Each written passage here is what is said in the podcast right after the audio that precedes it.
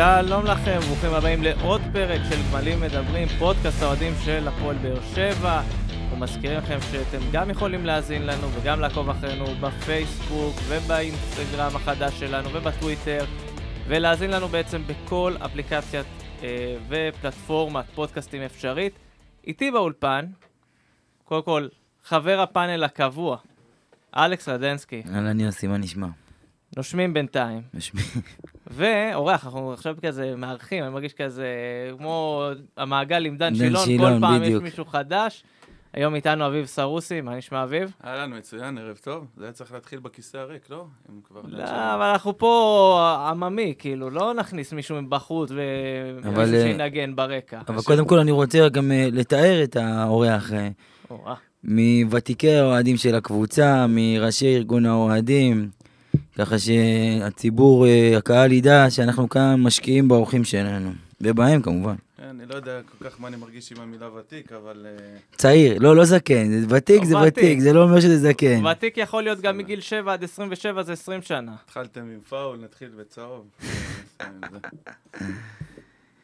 טוב, אז אנחנו מתחילים עם.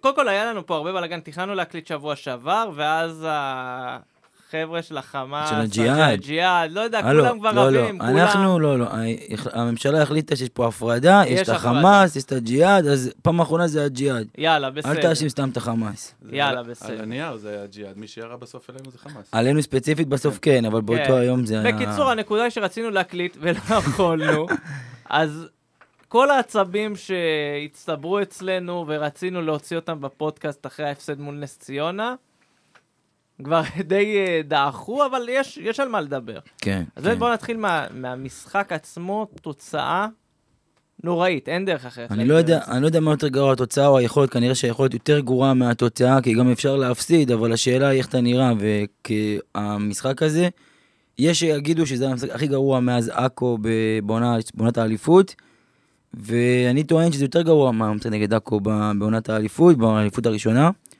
היה משחק מזעזע. פשוט אף אחד לא הגיע, וכשאף אחד לא מגיע, מי שאשם זה המאמן. אני נוטה להסכים עם מה שאתה אומר. אה, אני חושב שהתחלנו את העונה עם מגמה מאוד מאוד ברורה, גם על המגרש, גם בהצהרות, קבוצה רעבה, קבוצה רעבה, מביאים שחקנים צעירים, מביאים שחקנים שאפתנים, וזה באמת בא לידי ביטוי במגרש. ראינו שגם כשהיכולת לא הייתה טובה, כבר הספיקו להדביק לנו את התווית הזאת של יעילים. כדורגל לא... רעבים וואו, ויעילים. כדורגל לא וואו, אבל בסוף מביאים את מה שצריך להביא ברמת התוצאה וברמת אה, מה שמצופה. ועם התוצאות ועם זה שהגענו למקום הראשון, כנראה שקצת התבלבלו פה העניינים, ואנשים התחילו להסתכל על זה, גם בקהל דרך אגב. פתאום המילה אליפות אה, הופכת להיות... אה, כי ראו שמכבי כביכול לא, נכון. לא דורסת כמו נכון, שבשנים הקודמות. ופתאום כל העניין של בנייה, וכל העניין של קבוצה שאפתנית ורעבה, וכל תהליך, התהליך הזה של בניית קבוצה שאמור לקחת, שהתחיל בעצם בתחילת השנה הזאת, שאמור לקחת אה, לפחות שנתיים נקרא לזה, פתאום אה, יאללה, עוזבים את הדרך, עוזבים הכל ורצים לאליפות. אז אנחנו דיברנו על זה, ואני אגיד לך למה, כי הק- אנחנו דיברנו על זה כבר כמה פעמים, שהקהל של באר שבע אין לו סבלנות. מתי יש לו סבלנות לבנייה, תהליכי בנייה? כשהכל טוב, כשמנצחים, אפשר לבנות עד שבוע, אבל, עד... אבל אה, יכול להיות שזה לא רק עניין של הקהל, יכול להיות שגם הקבוצה התחילה לשדר את זה. אני לגמרי מסכים אתה איתך. יודע, זאת אומרת, אנחנו זה ש- התחלנו את העונה עם אה, גל לוי, נאור סבג, ועכשיו אה, מגיע לך פאוליניו וז'וזואה, ופתאום אתה רואה שגם... וג'ימי מרין. לא, עזוב, לא, ג'ימי ג'ימ- מרין זה היה של התחלנו- ההתחלה. התחלנו עם אתה ג'ימי מתחיל מרין. זה, ואתה מס- כרגע עם אה, שהם, אתה יודע, ברמה הרבה יותר גבוהה. אז יכול להיות שגם למועדון יש חלק בזה שפתאום כבר הפסיקו להיות רעבים וחזרו לדבר על אליפות. חד משמעית, אם בסוף יוצא שקבוצה שהתחילה את העונה, כשהיא עולה למגרש אז היא אוכלת את הדשא, ומרגע שהטבלה קצת אה, התחילה להאיר לנו פנים וראינו שהיריבה מתל אביב היא לא כזאת טובה ואולי אפשר לתת פייט, אז אה, זה התבטא בדשא. ראינו שחקנים שפחות רוצים, וזה באמת הדבר שאם אנחנו מדברים על המשחק מול נס ציונה, הוא, הוא, הוא צעק מהמגרש. שחקנים, זה היה נדמה כאילו אנחנו צופים משחק מהשנה שעברה, שחקנים שכבר מעבר לשיא, שחקנים שאין מי שיעיר אותם, שחקנים שנראה כאילו עושים טובה לה, שהם רצים על הדשא, וזה הדבר הכי גרוע שהיה יכול לקרות, לנו, יכול לקרות לקבוצת כדורגל, בטח ובטח לקבוצה בבנייה. אני מסכים, אבל עם זאת, למרות השינוי, אה, המגמה שהקבוצה אה, ככה עשתה, ובגלל כל מיני דברים, אולי החלטות של המאמן, של הצוות המקצועי, לחץ של האוהדים, אני לא יודע, שינוי פאזה פתאום מהרעבה ויעילה ליותר דרישה לאטרקטיביות. עם זאת, להפסיד לנס ציונה ולהיראות ככה, זה, זה, זה, זה, עוד פעם, מכבי תל אביב לך מילא, אבל נס ציונה? אני לגמרי מסכים. גם ה- האנדרלמוסיה הזאת שהייתה בסוף, אה, מיגל ויטור חלוץ, כן. הוא לא מצליח לחזור, וגם, לא משנה מי חזר אה, בסוף להגנה לגול שהם הבקיעו בדקה דקה אחרינו, זה לא צריך להיראות ככה. צריך להגיד את זה, בכר אשם. בכר אשם במשחק הזה, אה, גם עם ההכנה הלקויה, אה, להגיע ככה למשחק, 11 שחקנים, אחד לא הגיע עם מוכנות למשחק הזה, וניהול משחק לא טוב, איבוד עשתונות לדעתי בסוף, שעלה לנו ביוקר, וצריך לבקר שצריך לבקר, צריך לבקר, וברק בכר במשחק הזה, ואולי יש שיגידו שבהרבה מאוד משחקים, העונה קצת מאבד את זה, כבר זה לא אותו ברק בכר, לא מגיב בזמן, לא יודע אה, באמת לענות לנוכח ההתפתחויות של המשחק, וצריך לראות אה, מה קורה עם זה. אבל שנינו יודעים, הרי ברק בכר זה אותו ברק בכר. בסופו של דבר, זה אותו, זה מאמן לא. שהראה לנו. זה לא. כבן אדם אולי זה אותו ברק אני בכר. רוצה להחזיר אתכם לשנה הראשונה. שברגע שהקבוצה לא שיחקה טוב, ועדיין הייתה במרוץ לאליפות, ולא שיחקה טוב, אז ברק בכר מגיע לחדר ההלבשה ונותן בראש. גם על דברים קטנים, גם אחרי ניצחונות. ולשמוע אותו אחרי המשחק מול ציונה, בטון קצת, אה, יפה. קצת אה, מתנצל, אה, אנחנו קבוצה בבנייה, וזה בסך הכל עוד משחק בדרך, וזה משהו שכאילו הופך להיות, כאילו מתקבל בהבנה. אבל שוב, אומר אבל שזה זה כבר עוד לא פעם, זה אותו כבר ברק היית- אבל בכר. להגיד שהקבוצה עדיין בבנייה, זה עוד פעם, ההתנגשות הזאת בין האם הקבוצה הזאת היא באמת עדיין בבנייה, או אנחנו רצים לאליפות. פה הבעיה. אני, אני מצטט אותו, אחרי המשחק הוא אומר הקבוצה בבנייה. עכשיו, בסדר גמור. אין בעיה עם קבוצה בבנייה וקבוצה שמפסידה וקבוצה שלא תיקח אליפות השנה. אבל להיראות כמו שהם נראו ב- במשחק נגד נס ציונה, אסור להיראות ככה. קודם כל במסיבת עיתונאים בפתיחת עונה, שנכחו בה ברק בכר, אלונה, אה, אסי ובן ביטון לדעתי, הם הצהירו במפורש שהמטרה השנה לא אליפות. היא לא אליפות, רצו להוריד כל הציפיות. מה לעשות שהתוצאות והיכולת לא רעה, לא טובה, אבל גם לא רעה. אה, גרמו לאוהדים לצפות שאולי בכל זאת השנה, לנוכח המצב של מכבי תל אביב, לנוכח העובדה שהם לא דורסים פה את הליגה כמו שאמרנו, יהיה אפשר לקחת אליפות בכל מקרה. הציפייה גוררת האכזבה, אתה יודע, גודל, גודל הציפייה, גודל האכזבה. אז אפשר גם להבין את הקהל. עם זאת, אי אפשר לבוא הרבה בתלונות למועדון, כי הם ביקשו סבלנות, זה שלקהל אין סבלנות, מה הם יכולים לעשות? צריך גם לשים את הכוח וההשפעה של הקהל ב... במקום מסוים, זאת אומרת לא לעשות יותר ממה שהוא, אין ספק שקהל טוב וקהל תומך ומי כמונו יודע שכשטרנר אה, תומך שום קבוצה לא יכולה פה ו... ונכון עם קבוצה אחרת אבל דרסנו פה, ניצחנו קבוצות שהן היו גדולות מאיתנו בסדרי גודל. ולהפך, כשטרנר מגיע מפוקפק ומהוסס ועם שחקנים, ש... עם אוהדים שברגע שזה קצת לא הולך כבר הופכים להיות נגד המועדון או נגד הקבוצה אז זה אחרת לגמרי. אבל עם כל זה, צריך לשים את זה במקום מאוד מאוד ברור, במקום מאוד מאוד מוגדר. זאת אומרת שגם אם הקהל הוא כבר לא בדיוק מה שהיה, או שהציפיות כבר הפכו להיות הרבה יותר גבוהות, או שיש אכזבה מהציפיות, ברק בכר צריך תמיד להזכיר לשחקנים ולמועדון ובמסיבות עיתונאים מה אנחנו רוצים ומה אנחנו מצפים, ולפי זה להעמיד את הקבוצה על הדשא.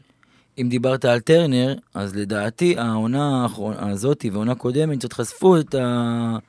את העובדה, חשפת, הם חשפו את העובדה שהאוהדים בתכלס מחכים שהקבוצה תעיר אותם, ולא הם מעירים את הקבוצה.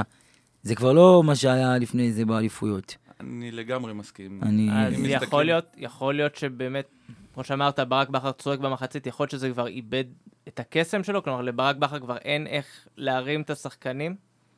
אני לא יודע אם אין איך, הוא ברק, אה, גם אם הוא בעונה פחות טובה, או ביכולת אה, במשחק מסוים פחות טובה, הוא עדיין אה, המאמן הטוב בארץ בעיניי ובעיני רבים.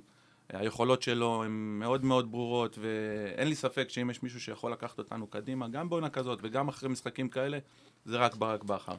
כן, אומרת- אבל, זאת אומרת- אבל זה, ז, זאת בדיוק השאלה של, כאילו, הדבר הזה שאנחנו שומעים מהרבה אוהדים, המיצוי. בדיוק, כלומר, בדיוק. יכול להיות שברק בכר הוא עדיין המאמן הכי טוב בארץ, אבל השאלה היא, האם ברק בכר לא הגיע לאיזושהי תקרה שהוא לא יכול להוציא יותר מעצמו כלפי המועדון, מול השחקנים?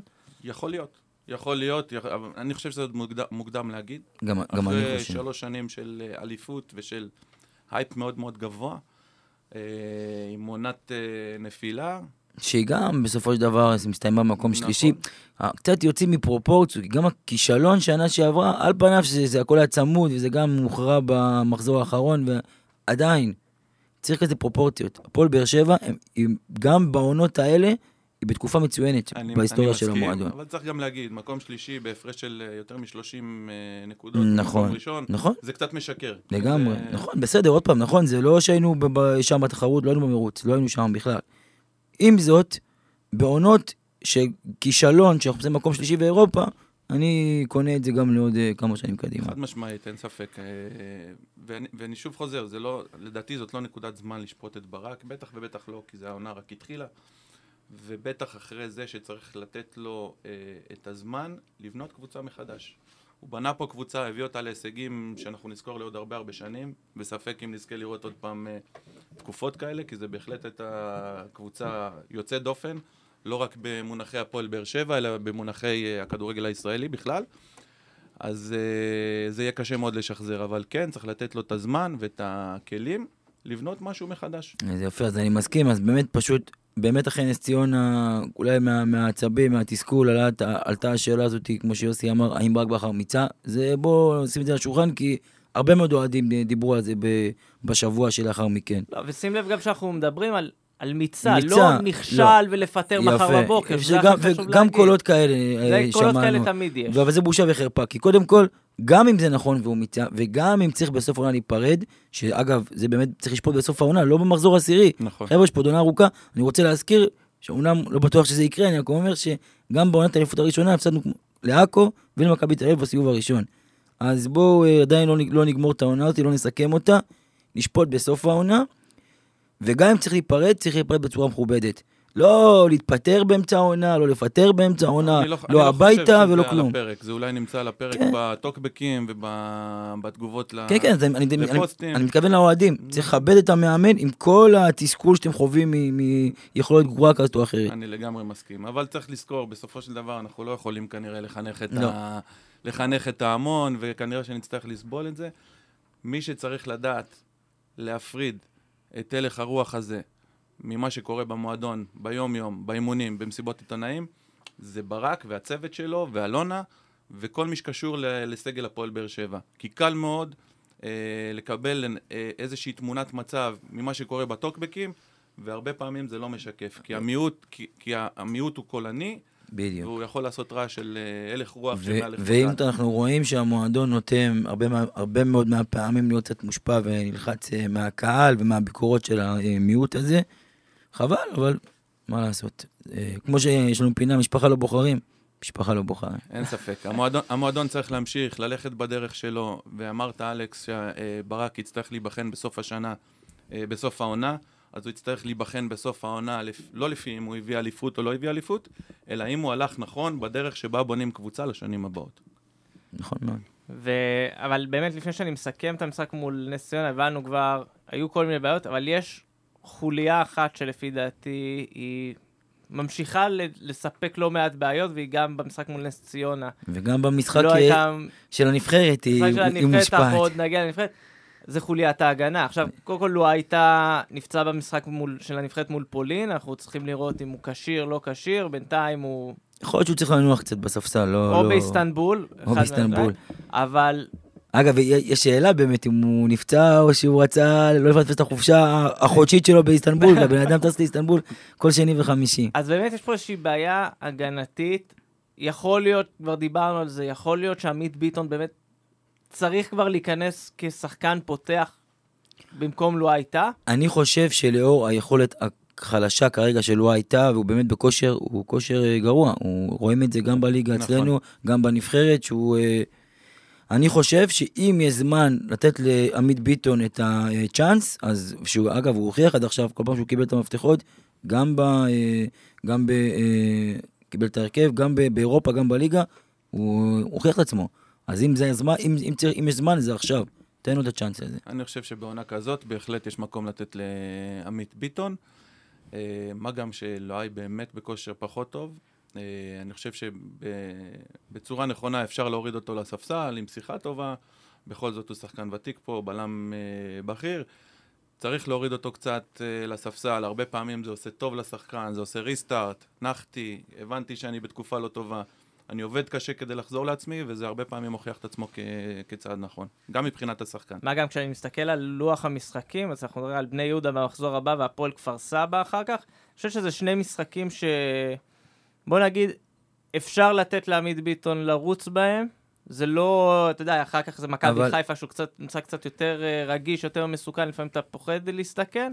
חושב שזה בדיוק מסוג המשחקים שעמית ביטון כן יכול לקבל את ההזדמנות שלו. נכון, אבל גם, חי... גם צריך להגיד, ולהיות אמיתיים, זה לא רק לא הייתה, זה גם מיגל ויטור, זה לא אותו מיגל ויטור.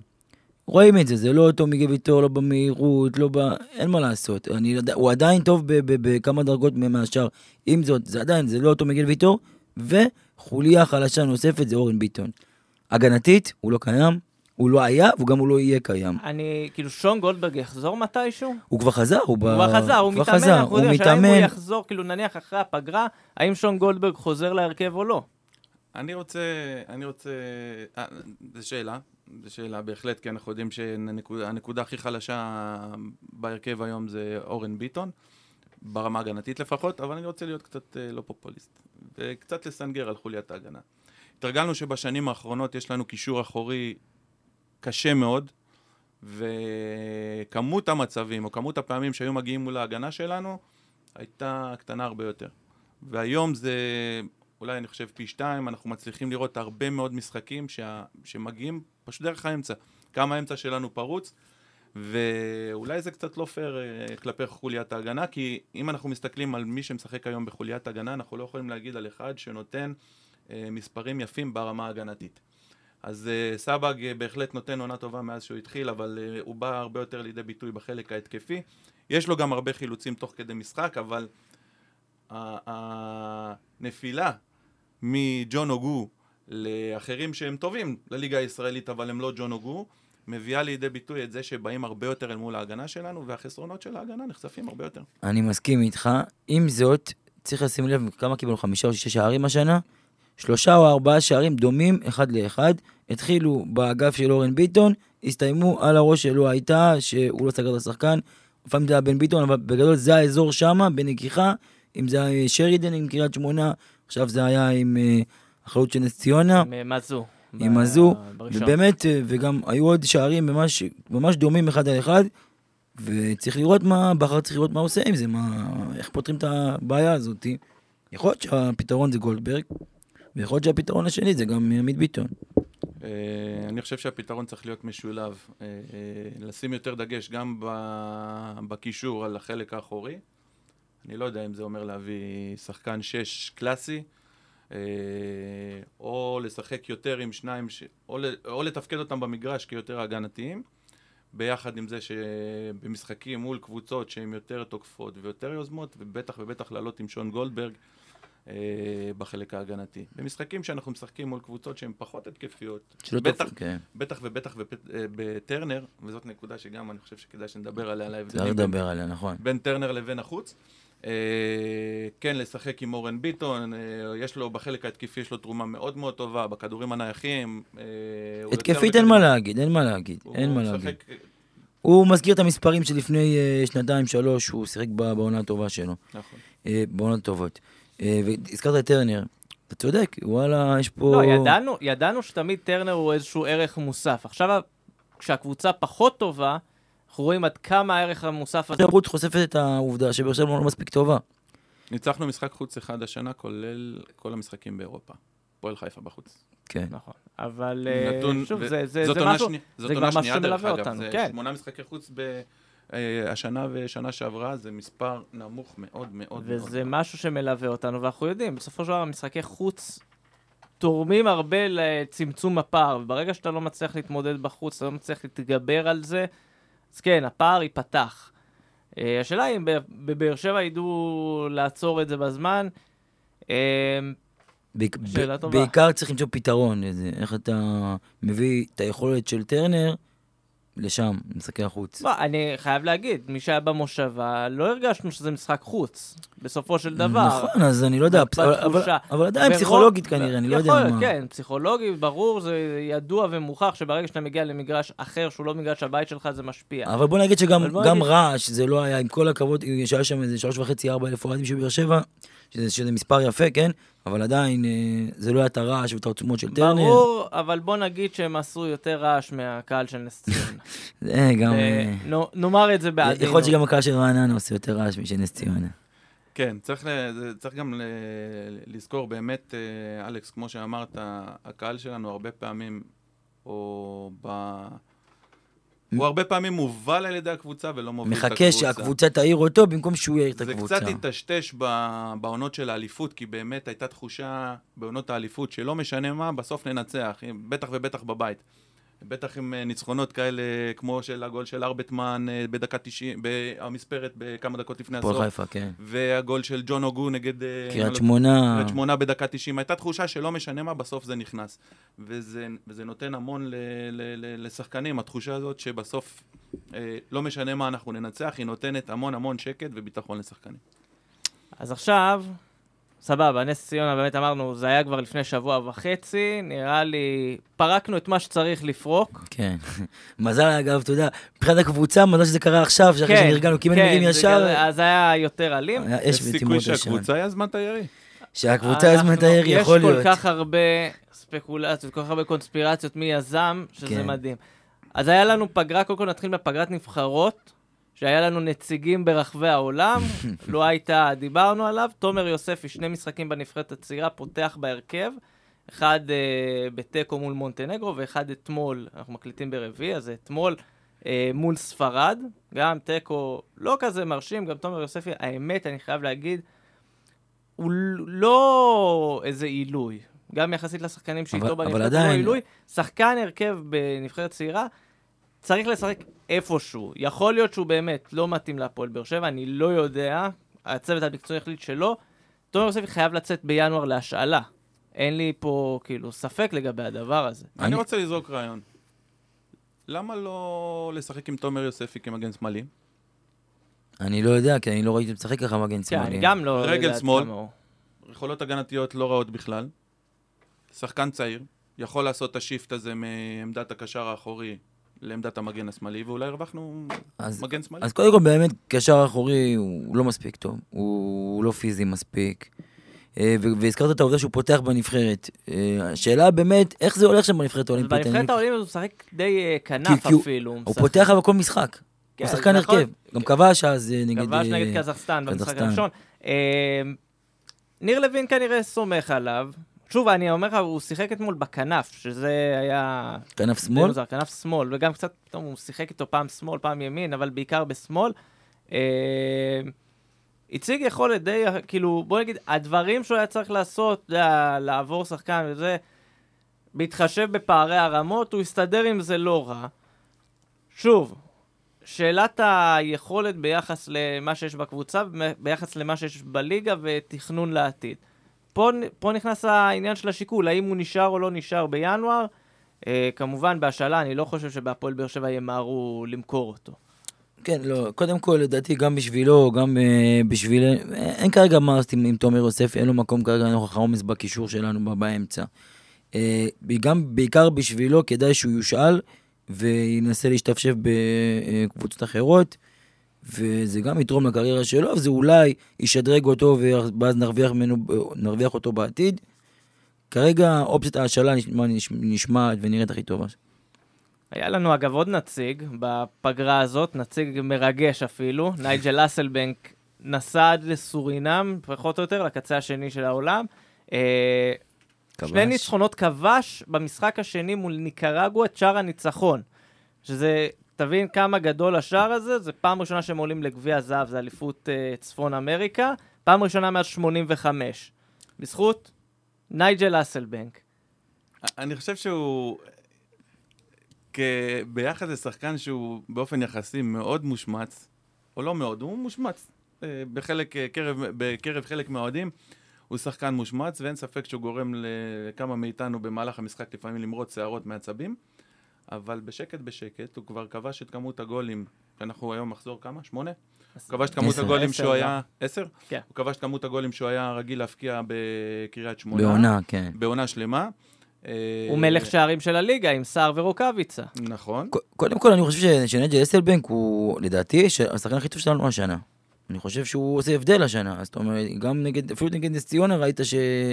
אני אמרתי, באמת, כי הוא היה צריך את, את, את, את נייג'ל כבר במחצית. כי את הבונקר הזה צריך לפרוץ. ומי יכול לפרוץ אם לא הבולדוזר? זהו, זה, אני לא יודע אם זה הכי טוב, אבל הוא הכי השתדרג יחסית לעונה שעברה. כן, הוא עושה שדרוג גדול השנה. הוא מ- קפץ בצורה בלתי רגילה. כמובן, כולם עדיין, למרות שהוא עזב, אתה רואה שהוא קצת יותר בנוי, עדיין יגידו שיש לו קרס, בסדר? אה, והוא באמת, כאילו, עשה, מי שראה את השער שלו, אגב, זה שער, אתה יודע, אחת הבדיחות שרצו זה שהוא בחיים לא מצליח להבקיע שער כזה בארץ, זה כזה, הוא הקפיץ כמה פעמים עם הרגל, העביר שחקן כזה ב... אה, בפורטוגזית, לא, יש זה- לזה שם. זה השער של איילה כזאת, של איילה. הוא כן, הוא נראה קליל. שם, והוא בדרך כלל, אתה יודע, הוא לא קליל. משהו כזה, כאילו זה שחקן ברזילאי, שאתה כן. יודע, עושה, אבל... אה, אולי כוח המשיכה יותר קטן. אולי, אולי, האיים וזה, אני לא יודע מה. אני מאוד מקווה, אגב, שהניסיון הזה, זה ניסיון בינלאומי, אומנם לא מול נבחרות גדולות, אבל אני באופן אישי מאוד מאוד מקווה שזה משהו שיתרום לו בהמשך, אה, ואולי, אולי אה, יעזור לו. אחלה נייג'ל. אה, אני חושב שכדאי שנסתכל על נייג'ל כדוגמה ל- לסבלנות וש- שצריך לגלות עם שחקנים זרים ב- בכלל ובארץ בפרט. נייג'ל עונה שנייה איתנו, ודיברנו על ההתקדמות שהוא עשה השנה. אה, אפשר לראות עוד הרבה מקרים והרבה דוגמאות לשחקנים שבעונה הראשונה שלהם, במקרה הטוב, הם אה, בינוניים או בינוניים פלוס, ונותנים עונה אחרי זה שהיא הרבה הרבה יותר טובה. אפשר לראות את זה גם עם אה, צ'יקו פרדו במכבי תל אביב, ששנה שעברה היה בינוני פלוס ונותן עד עכשיו עונה מצוינת. כן. כובש, מבשל, מה שנותן לכולנו, גם לקהל, גם החבר'ה במועדון, סבלנות. אנחנו רואים את אה, יאניס עכשיו ב- שוודיה. בשוודיה נותן אה, תצוגות טובות. חתם, אה, הארכת חוזה. הארכת חוזה, כן. אה, כן, צריך להיות סבלנים, צריך להיות סבלנים, בטח ובטח בעונת בנייה. הבאנו את אה, ג'ימי מרין, שחקן מאוד מאוד צעיר, צריך לתת לו את הזמן, וצריך, כי יש לו כדורגל ויש לו גם לחימה, והוא התאים ל- לפורמט הזה של קבוצה רעבה ונחושה, ו, וצריך לראות איך משלבים אותו, כי אני בטוח שנהנה ממנו בעתיד. שאגב, הספסול של ג'ימי מרין מסמן את, ה, את הסוויץ' הזה שם במועדון עשו, את המחשבה האחרת שיותר, אה, כדורגל יותר אטרקטיבי, יותר פחות אה, לוחמני ויעיל, יותר אה, יותר ברזילאי. ו- ורואים- ברזילאי יותר יותר. תוצאות ופחות הדרך שבחרנו. ורואים אגב את הפיצול, כי, כי דיברנו על זה והזכרנו את זה כמה פעמים, שהקבוצה נראית מאוד מאוד שונה בלי ג'ימי מרין ועם ג'ימי מרין, ולצערנו בלי ג'ימי מרין נראית פחות טוב. כי מי שנכנס במקומו על המשבצת זה ניב זריאן, שעל נושא זריאן נראה לי כבר חפרנו ודשנו, והשבוע גם מי שפספס את הסטורי שלו מלונדון עם הפיצה והפסטה המוקרמת והעוד מלא צלחות, אה, אתה יודע, זה עניין, ניב זרין זה עניין שכבר אנחנו... אני אגיד לך מה לגבי. הסטורי הזה שתפס אה, כותרות ככה, בעיקר בטוויטר, בין ה... בקהיל- קהילת האוהדים בטוויטר. גם בן סער העלה תמונה דומה עם פיצה באותו היום בדיוק. עם זאת, בגלל שניב זרין אנחנו מכירים את אורח החיים שלו, וזה לא פעם ראשונה, אז הביקורת הייתה עליו יותר קיצונית, אבל גם בן סער באותו היום, העלה תמונה עם... אה, בוא נגיד ככה, אני מוכן. להתחייב שכמות הפיצות שבן סער אכל במהלך העונה נמוכה באופן משמעותי כן, ממה ש... אבל עדיין, אני רוצה גם אה, לדבר על ההיסטורים האלה. לא צריך ישר אה, אה, לקטול אנשים, כי אנחנו לא יודעים בדיוק מה עומד מאחורי זה. יכול להיות שהם יושבים חברים, והזמינו כל החברים, הזמינו עכשיו ופתחו שולחן. אה, והוא צילם את הפיצות. בוא'נה, אנחנו לא יודעים מה היה שם, אז בואו לא נמהר. בסדר, לא, יכול שבאמת הוא לא ישב עם שחקני כדורגל בשולחן, אנחנו נכון. יודעים שהוא ישב עם תום בן זקן בשולחן והוא לא שחקן כדורגל. בואו, אני לא חושב שהפיצה כן. היא צריכה לחרוץ את גורלו לא, של ניב ברור זרין, כן או לא, אבל- אני תוהה מתי במועדון ייפול האסימון לגבי ניב זרין. כישרון בטונות ומקצוענות בגרמים. ובטח ובטח כשאתה עושה אה, ריסטארט לקבוצה ולמוטו של הקבוצה ולמנועים של הקבוצה, איך אתה משאיר שחקן כזה בסגל? שחקן שאחרי רבע שעה שהוא נכנס, וזה ילד בן 26, לא בן אה, 40. רבע שעה אחרי שהוא נכנס הוא כבר תופס את הצד כי אין לו כוח לרוץ. איך זה מתחבר עם קבוצה רעבה, שאפתנית, וש... ושצריכה להראות משהו אחר, תראה, בכר. בכר נותן בו הרבה מאוד אמון, אנחנו רואים את זה. אני, באמת מסקרן אותי לדעת מה, מה גורם לבכר לתת בו את האמון. הזה. אני חושב זה מה שכאילו... זאת בדיוק השאלה שלי, אני- מתי נופל האסימון שניב זריאן לא יכול להתפתח כשחקן שמצפים או שראו לפני שנתיים ולפני שלוש, או כשקנו אותו מאשדוד. קודם כל כבר, זה לא הוא- קורה. זה עונה רביעית שלו במועדון? זה לא קורה. זה עונה רביעית או שלישית, שליש- שלישית. שלישית. יש איתו המון סבלנות במועדון, מה שלא הרבה זכו, ואיתו יש הרבה סבלנות. לדעתי, מה שכביכול נותן, נותן את התקווה שאולי הוא כבר יתייצב ויפגין יכולת אה, קבועה, אה, טובה באופן קבוע, זה הניצוצות- האלה שפתאום הוא נותן, כמו הגול בנורשפינג, כמו ביתר. אבל, אבל זאת בדיוק הבעיה, כששחקן נותן לך אה, גול פעם בעונה מול ביתר ירושלים, או צמד מול ביתר ירושלים, וזה אמנם כבר הפך להיות הבדיחה, הנה מגיע ביתר, אז ניב זריאן מתעורר, אבל זה באמת בדיחה.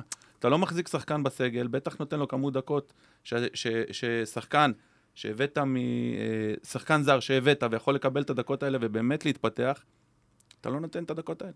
עם זאת, בוא נגיד את האמת שהשנה העונה יש לו גם כמה בישולים, זאת אומרת, כשהוא נכנס, לדעתי הוא חילוף טוב, הוא יכול לעשות אה, אה, הבדל ב, בדקות לא, הסיום. כמחליף, כן. כמחליף. יש לו- כשיש לו כוח כשיש לו לרוץ, כוח, 20 בדיוק, דקות, זה בדיוק. סבבה. כי לרוץ כשחקן הרכב, שוב, זאת בעיה חמורה, ששחקן כזה לא יכול להיות שחקן הרכב בגלל כושר גופני. זה משהו שצריך אז להדליק השאלה היא האם מדובר, הרבה מאוד נורות האם אדומות. מדובר באורן סגרון החדש? ובסוף, בסוף, בסוף איך שלא תהפוך את זה, שחקן כזה שמטייל על המגרש כשאחרים אה, אה, אה, רצים או צריכים לרוץ, זה משפיע. זה משפיע. כמו שאליניב ברדה בזמנו ידע, גם בדקה 90, לרוץ מעמדת החלוץ ולעשות גליץ' בעמדת ההגנה בדקה 90, במשחק לא חשוב, וזה משדר לאחרים וכולם נדבקים בזה, ככה יכולים להידבק מניב זרן, שחקנים אחרים שרואים שהוא לא רץ וזה נדבק. מסכים לגמרי. תפוח רקוב מקלקל את כל הארגז בסוף. אגב, עוד, עוד דברים, קרו עוד דברים, קרו הרבה דברים ב... בזמן שלא היינו פה, בזמן שכן נהיה, וכל הדברים האלה. אה, שינוי בעמדת מפתח די רצינית בהנהלת המועדון, נקרא לזה ככה. גיל לבנוני הדובר בכמה שנים האחרונות, מאז האליפות הראשונה, אם אני לא טועה. לא, לא, אפילו לפני אפילו זה. לפני. אה, עוזב, עונה אה, לפני. אה, אז הוא עוזב, ושירן אה, אברמוב מחליפה אותו. בוחצרה היום. בוחצרה היום אחרי נישואיה, נאחל לה קודם כל בהצלחה. כן. בתפקידה החדש. אה, תראה, דובר זה דמות שלא, בדרך כלל אנשים אין להם, או בטח אוהדים, אין להם באמת תקשורת איתו, אבל משהו בהפועל באר שבע באמת הפך את היחסים בין האוהדים לדובר, אני אקרא להם לבעייתיים. אז אוקיי, אני מבין מה אתה אומר. קודם כל, אז באמת נאחל לשירן אה, בהצלחה, זה תפקיד, היא נכנסה לנעליים אה, גדולות של גיל לבנוני, ומאמינים שהיא יכולה אה, לבצע את העבודה בצורה טובה. גיל לבנוני היה דובר דומיננטי מאוד, היה פיגורה בתחום הזה, הוא בא עם המון ניסיון, מכל מיני התאחדויות שונות, מכבי חיפה, ו... בהתאחדות הוא היה דובר כמה שנים. דובר ההתאחדות, כן. כן, אז הוא בא עם המון ניסיון, ובשנים שהוא היה פה קרה מקרה שהוא, אה, שהצריך אה, דמות אה, חזקה שתנהל אותו, וזה הסיפור עם שיר צדק. הוא לדעתי ניהל את המשבר הזה בצורה אה, הכי טובה שיכולה להיות, הוציא אותנו במינימום נזק תדמיתי שיכול להיות, ועל זה מגיע לו כל הכבוד, ולהגיד גם מזל שהוא היה שם. ונקווה שבאמת אנחנו לא נצטרך להתמודד עם דברים כאלה בעתיד. אה, גיל לבנון החליט לעזוב, הוא רשם שהוא רוצה להתקדם, אה, לעבור, להתעסק בדברים אחרים, ונגיד לו תודה רבה, ובאמת בהצלחה. ולגבי מה שאמרת, בשנים של גיל לבנוני, יש, אה, קרו שני דברים. קודם כל, המועדון מבחינה תקשורתית, אה, אה, התנהל ברמה גבוהה, זאת אומרת, ההפרדה עם העיתונאים. הדבר הראשון שגיל עשה, הוא הוציא את כל העיתונאים המקומיים וכל העיתונאים שישבו על החדר הלבשה החוצה. צאו מפה, אל תתקרבו. הפך את המועדון למין אה, אה, אזור מסוגר. עם זאת, האוהדים, הרבה אוהדים הרגישו שההתנהלות הזאת היא, היא גרמה לריחוק אה, בינם לבין המועדון, ניתוק מסוים. עכשיו, יכול להיות שאין מה לעשות, זה בא אחד לחשבון השני, יכול להיות, ויכול להיות שהיה גם אפשר לעבוד בצורה טיפה אחרת, לשלב את העניין הזה של מצד אחד רוצים להיות מועדון מקצועי ומנוהל ברמה הגבוהה ביותר, ולמצוא עדיין איזה, ככה, איזה שיטה לקרב את הקהל. אני גם לא בטוח שבאמת צריך כאילו אחד על חשבון השני, אפשר לעשות את זה גם וגם, מכבי תל אביב עושים את זה מצוין. אה, אתה יודע, אתמול כזה גם כן נקלעתי לאיזה דיון, ואמרו שהמקצועיות באה על חשבון הרומנטיקה. עכשיו, אני באמת לוקח את הדוגמה הכי ענקית שאני יכול, יכול לקחת, של ליברפול, שזו קבוצה שמוציאה 150 מיליון פאונד על רכש, ועדיין יודעת לשמר את הרומנטיקה באמצעות מה שהיא מוציאה החוצה לאוהדים. וגם מכבי תל אביב, אומנם לא רומנטיקה, אבל היא מוציאה איזושהי תודעה מסוימת של אנחנו גדולים, חזקים, דברים כאלה, אבל היא שומרת על הקשר עם האוהדים, מוציאה תכנים, היא גורמת לאוהדים שלה להרגיש שהם חלק מהמועדון. זה לצערי לא קרה בתקופה הזאת. אה, כמו שאמרנו, נקווה לשינוי. אה, יש, הייתה כבר התחלת אמת, גם מתחילת העונה, הרעיונות שיצאו, מי שעקב. אה, אני חושב שבמועדון אה, אה, ערים לביקורת הזאת, מודעים לתחושות האלה של האוהדים, וכמו שאמרת, אנחנו נראה לי שאנחנו רואים מתחילת העונה טיפה שינוי בנושא הזה, ניסיון באמת להעלות רעיונות ושיטות איך לקרב את הקהל. ואני חושב שחלק מהדברים ש, שבאמת יכולים לשנות את זה, כמו המקרה עם שירה, למשל שהיא באר שבעית, שהיא חיה פה את העיר, מכירה את העיר, מכירה את, את האוהדים, את הלך הרוח, מה שלא היה עם גיל לבנוני, שהוא בא מגישה של אני בא ממקצועיות נטו, כמו שהייתי בהתאחדות, כמו שהייתי במקומות אחרים, פחות קרוב, פחות חי פה, פחות מכיר את ה... שומע את הרכשים, אז לדעתי השינוי יהיה בוודאות יותר, זאת אומרת, זה בוודאות יהיה מצב שונה. אני חושב שצריך להסתכל על זה, ב... לחלק את זה לשתיים.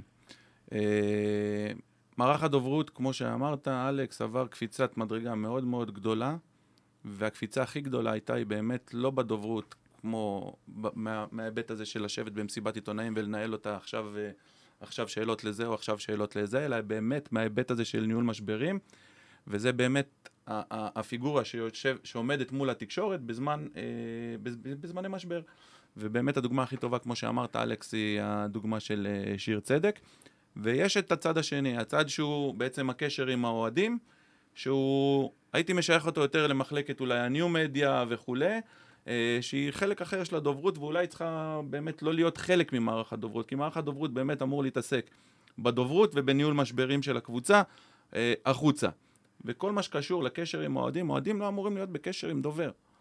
אז יש את מחלקת הניו מדיה שהייתה מחוברת שם... אה, אחד בשני, כן. אחד בשני, ושם באמת אני, אני, אני מסכים שיש עוד לאן להתפתח ואיך להשתפר, ולכן צריך להסתכל על זה כן. בצד הזה, מובטח, המועדון צריך להיות ברמה התקשורתית, נקרא לזה, מנוהל, mm-hmm. ולא פרוץ ולא... אנחנו יודעים מה היה פעם, פעם היה וסרמיל ופתוח, וכל אימון, כל מי שרוצה נכנס. בדיוק. ו... דיברנו על זה דווקא היום, אני ויוסי, שבאמת, פעם היינו באים, כמו שאתה אומר, נכנסים למועדון, נכנסים לחדר הלבשה, השחקנים מתקלחים ערומים.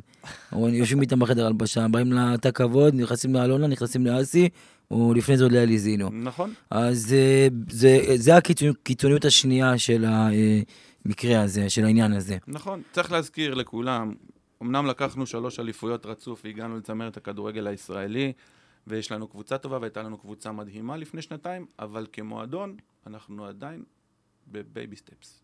לאט לאט לומדים, מאמצים שיטות, אה, משתפרים כל הזמן, יש שיגידו שהגרף שיפור הוא מתון מדי והקפיצות כן יכולות להיות גדולות יותר, אבל כמועדון יש לנו עוד הרבה מה ללמוד ובהרבה מה להשתפר.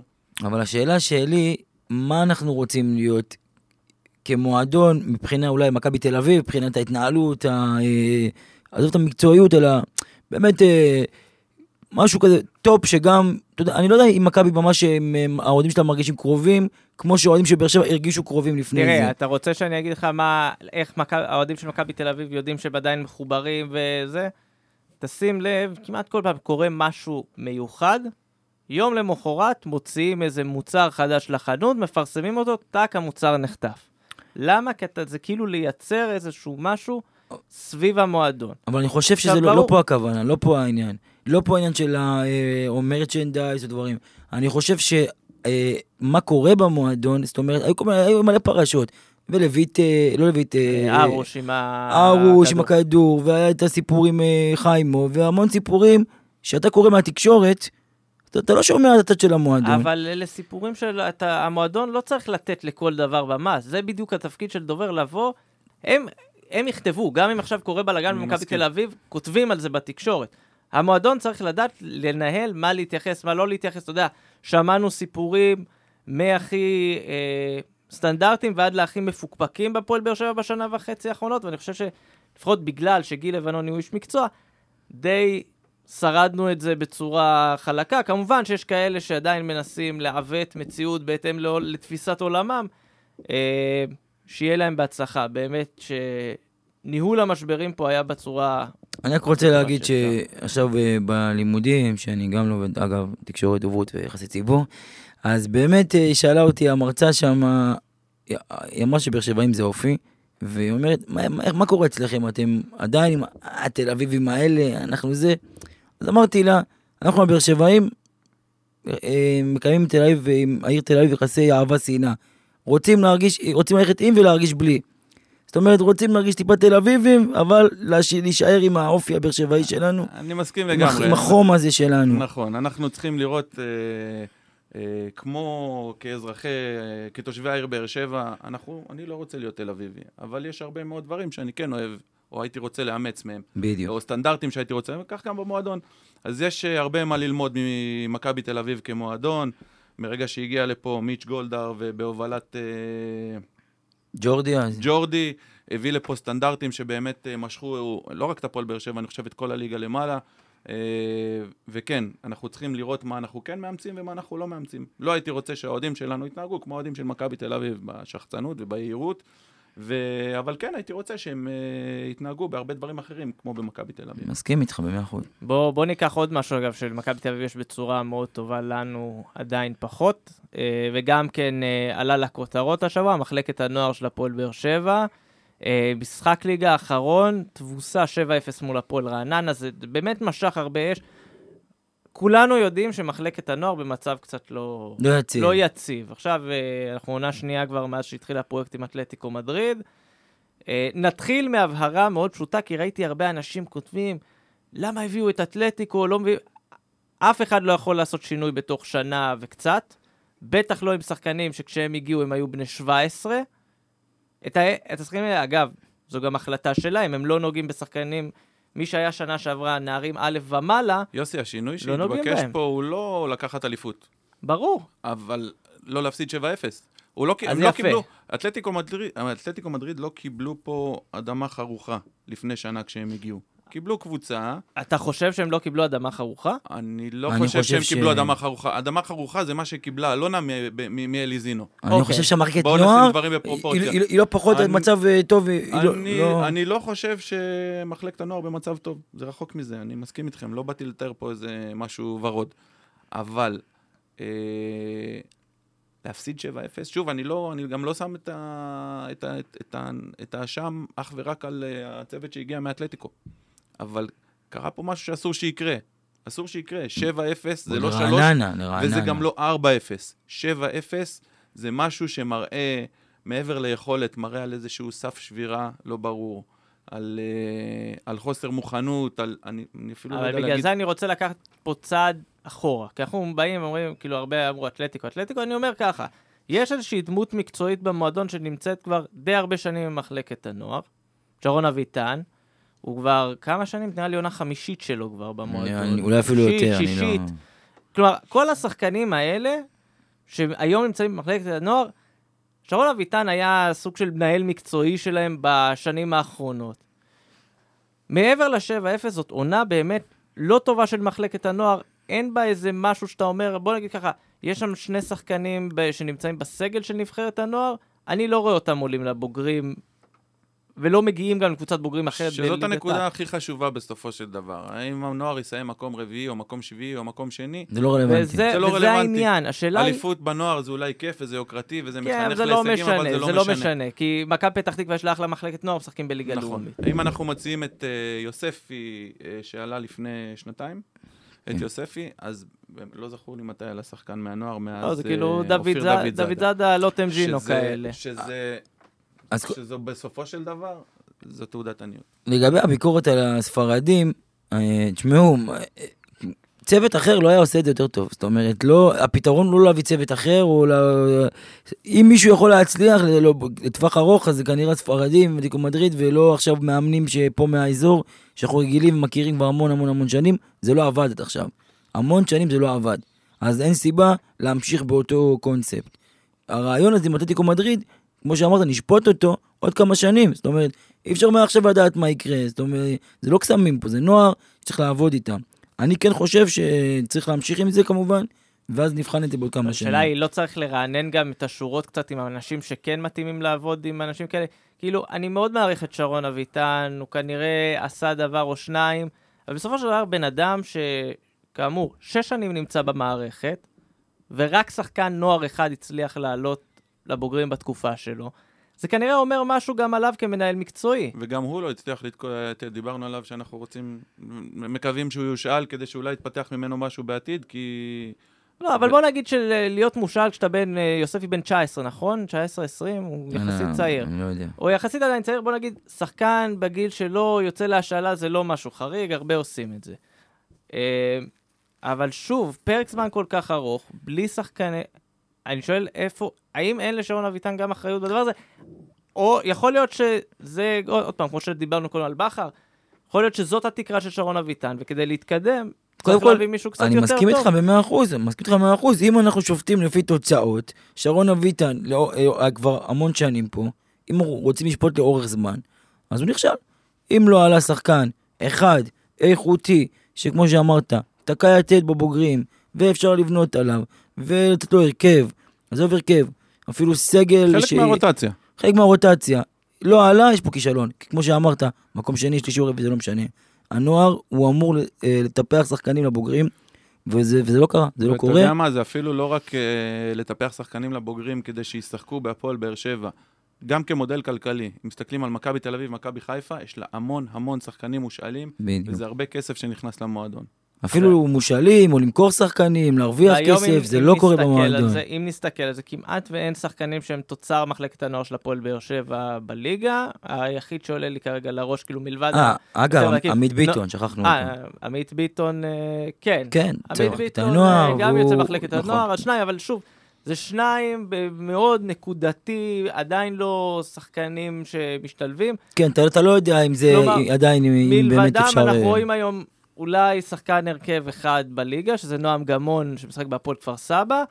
אה, הוא מושל עדיין מבאר שבע, מעטים ככה יוצאים להשאלות בליגה הלאומית, אבל עוד יותר, כאילו, רוב מי שיוצא גם להשאלות הלאומית לא תמיד שורד את המעבר אחר כך. הוא לא יחזור להפועל באר שבע, הוא גם לא יחזור לשחק בליגת העל. ופה באמת אתה רואה את הפער ברמות בין מחלקת הנוער של הפועל באר שבע למחלקות נוער אחרות. גם מחלקת הנוער של רעננה, נכון, 7-0 זו תוצאה מוגזמת. אה, משחק הנבחרת הצעירה, אתמול חמישה שחקנים של הפועל רעננה משותפים. תוצאה, תוצאה, בוא נגיד, ארבעה תוצר של מחלקת הנוער ואור דסה, אבל זה ארבעה שחקנים שגדלו בהפועל רעננה, להפועל באר שבע אין את זה. כן. ופה יש בעיה. לשחקנים שגודלים במרכז, לא משנה באיזה קבוצה, רעננה, תל אביב, אה, פתח תקווה, יש המון המון אלטרנטיבות. אם הם לא מצליחים להשתלב בקבוצה שלהם, אז יש המון אלטרנטיביות אה, אה, באזור, שקרובות כן. גיאוגרפית.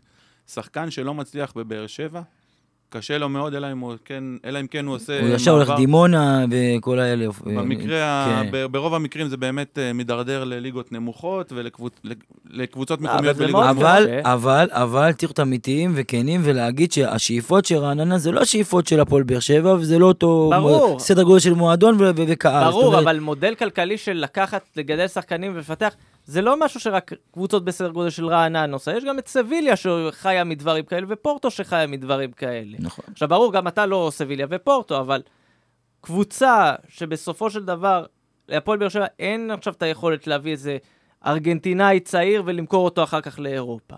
המקסימום שהיא יכולה לעשות זה לקחת איזה שחקן, לגדל אותו עד גיל 18, 19, 20, גם אם יעבור אחר כך לקבוצה, דמי השבחה, לא חסר פה דברים כאלה בישראל. ואגב, אנחנו גם רואים את מכבי תל אביב, שההשקעה שלה בנוער, בטיפוח הזה, והביאה תוצאות, זאת אומרת, במצ... בשנים של הפייר פליי, הם החזירו אותם, ודווקא אלה הביאו להם את ה... זה, זה היה יותר, אה, זה לא היה מבחירה, אבל זה יצא להם, זה לא היה מבחירה, זה יצא להם לטובה. אבל הנה, ההשקעה הוכיחה את עצמה. נכון.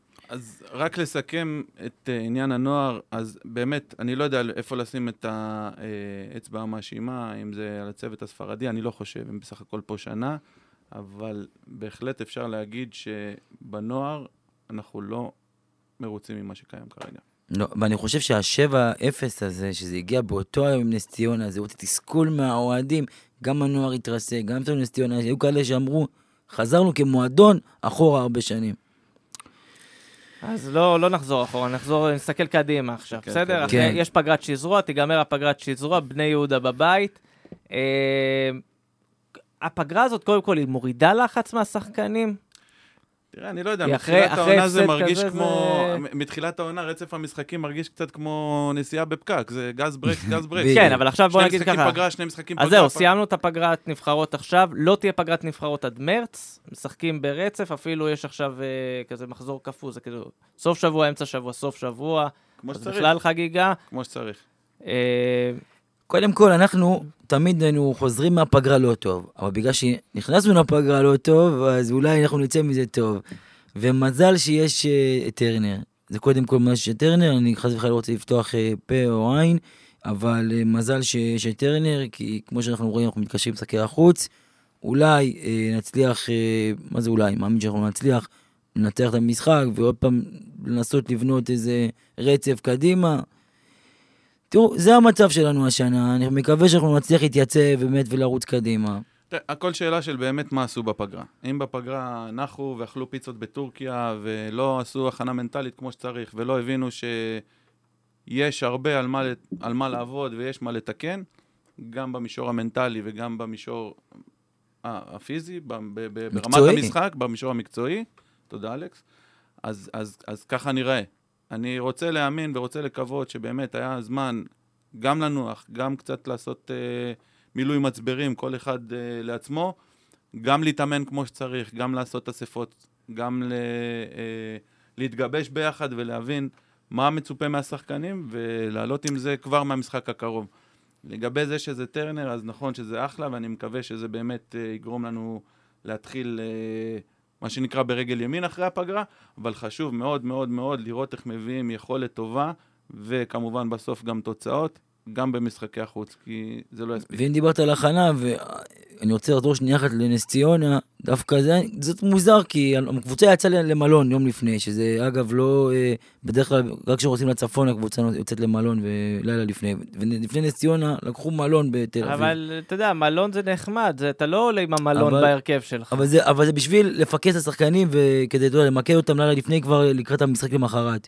ולא שהראש שלהם מתפזר בדברים אחרים, וכזה, אה, טוב, יש מחר משחק, אז אה, אני לא אצא היום, אני לא אשתה היום, לא יודע מה.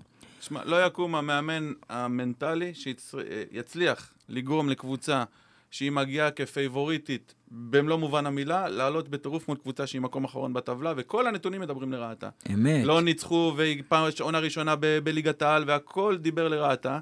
קשה, קשה, קשה מאוד להביא שחקן אובייקטיבית, קשה, קשה להביא שחקן, אבל השאלה היא לעלות בטירוף מול קבוצה שהיא נחותה. נס ציונה, עבר, מנטלית, לא מנטלית, השאלה היא נניח בני יהודה.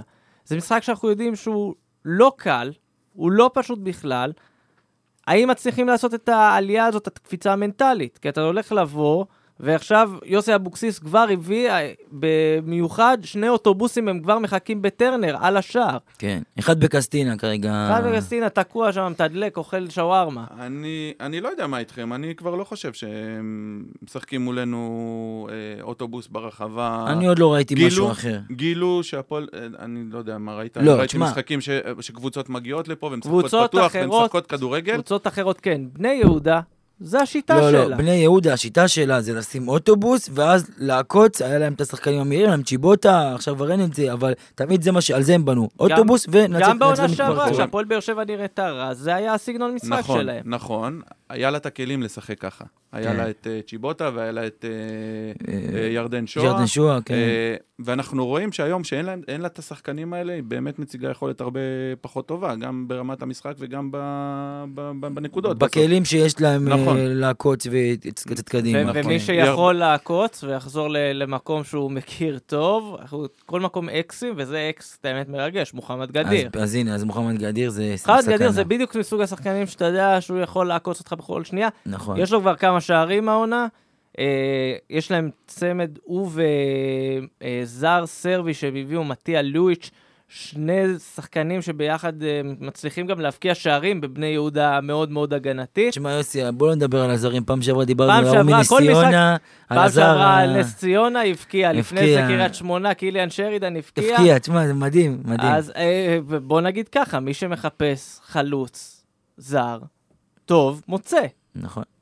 אבל מי שמחפש, יש כאלה שלא מחפשים, או שמחפשים במגבלות מסוימות. תשמעו, אגב, אפרופו, יש לנו גם את אה, פאולינו שצריך להגיע, זאת אומרת, אה, יש עוד מה לבנות. ברוב הדיבורים, מהשנייה שהוא חתם, כל פרק אנחנו מזכירים את פאוליניו, זה נס. אני אומר לך שהוא לא החליק באמבטיה, כן. משהו שלא קרה לו, באמת, אה, הוא עוד לא כאן, אבל... עוד אז לא כאן, הוא עוד אוטוטו מגיע. אבל. ברור שזה כן. יכול, ייפול לו בקבוק של אפטר שייב על הוא כ- הוא הרגל. כ- הוא כרגע, הוא עושה איזה מסע פרידה כבר איזה חודש, כל יום פה, כן, לא, סטורי. העונה בשוודיה נגמרה מזמן, אבל הוא עוד אני לא יודע אם יש. שוודי שלא נפרד ממנו עדיין. שמע, אבל אם אתה כאילו מסיק אם הוא עדיין במסע פרידה או לא, ג'ון אוגו עדיין במסע פרידה מסתובב פה בבאר שבע לפי הסטורי שלו. שזה כאילו אוגו זה מקרה קצת עצוב, שזה כן. המצב כרגע שלו. כואב, אבל... עם אה, זאת, אנחנו דואגים לאינטרסים שלנו, כן? אבל חבל שזה המצב של אוגו, הבן אדם יושב בבית מעונה שעברה, יושב בבית, מתעסק, מעלה כל מיני סרטונים מעונות קודמות שלנו, ו... וממסיבות בניגריה. אבל אה, חזרה למשחק באמת מול בני יהודה. אה, יש לנו את הכלים לפרוץ את ההגנה שלהם? כאילו... בוודאי שיש את הכלים לפרוץ. קודם כל, לדעתי, נייג'ל יחזור להרכב. אה, נייג'ל, כמו שאמרתי מקודם, לדעתי הוא השחקן הכי טוב של המועדון כרגע. הכי אפקטיבי, הכי יעיל והכי שימושי. זאת אומרת, הוא פורץ בונקרים עם הפיזיות שלו, לדעתי. אם, אם הוא היה נכנס נגד נס ציונה זה היה קורה יותר מוקדם. אה, אז נייג'ל יחזור להרכב. וחוץ מזה, לדעתי, אה, ממן לדעתי ירד לספסל. ממן הוא, הוא, הוא שאלה. כי גם ממן, יש לו טיפה את הנבזרי, את הקטע של נבזריאן. גם כושר, גם עצלנות קצת, לא אותה עבודה, לא אותו רעב שאנחנו דיברנו עליו בתחילת העונה. אה, הוא, וגם כנראה שלא סתם הוא יושב על הספסל. כי הוא לא, הוא לא יישם את מה שברק בכר רצה מהשחקנים. אמרת, נכון, ב, כבר ב, במילה הראשונה שהגדרת את... אה. את, את, לא נבזריאן דווקא, אמרת שהוא שאלה. כן. וחנן ממן הוא באמת סימן שאלה. אתה מעלה אותו בהרכב, אתה לא יודע מה, מה אתה תקבל. יש שחקנים ש, ש, שהחוסר יציבות, לא רק בהפועל באר שבע, לאורך כל הקריירה מ- מלווה אותם. וחנן ממן, אם היה שומר על כושר אה, משחק גבוה, כמו שהוא יודע לתת במשחקים הטובים שלו, הוא היה היום באירופה לדעתי, וחבל מאוד. חבל מאוד, כי באמת יש משחקים שהוא נותן יכולת ממש גבוהה, ויש משחקים שנראה כאילו הוא עושה טובה שהוא על הדשא. מסכים. טוב, אנחנו בואו, אנחנו נסיים אופטימי, אבל אנחנו רוצים לסיים אופטימי, שאולי יקרה משהו. ובהזדמנות הזו אנחנו רוצים להגיד לכם תודה שהאזנתם, אנחנו כאמור גמלים מדברים. פודקאסט אוהדים של הפועל באר שבע, מקליטים אולפני רדיו דרום, שמארחים אותנו ויארחו אותנו גם במשחק הקרוב, מיד אחריו, היציע הדרומי, מוזמנים להאזין, וכמובן להאזין לנו באפל, בספוטיפיי, בכל אפליקציית פודקאסטים אפשרית. לעקוב אחרינו בפייסבוק, בטוויטר, באינסטגרם, יש לנו תמונות מהמסע של, אה, ג'י, של אה, נייג'ל אסלבנק בסורינם. בסורינם, שווה לעקוב. אה, הוא- הוא הביא דגים יחד איתו. הביא דג, דגים ומזון איכותי. אלכס רדנסקי, תודה רבה. תודה יוסי. אביב סרוסי, תודה, תודה. היה תענוג אביב. תודה רבה, היה לי כבוד. תשמרו על אופטימיות, ונתראה במשחק הבא.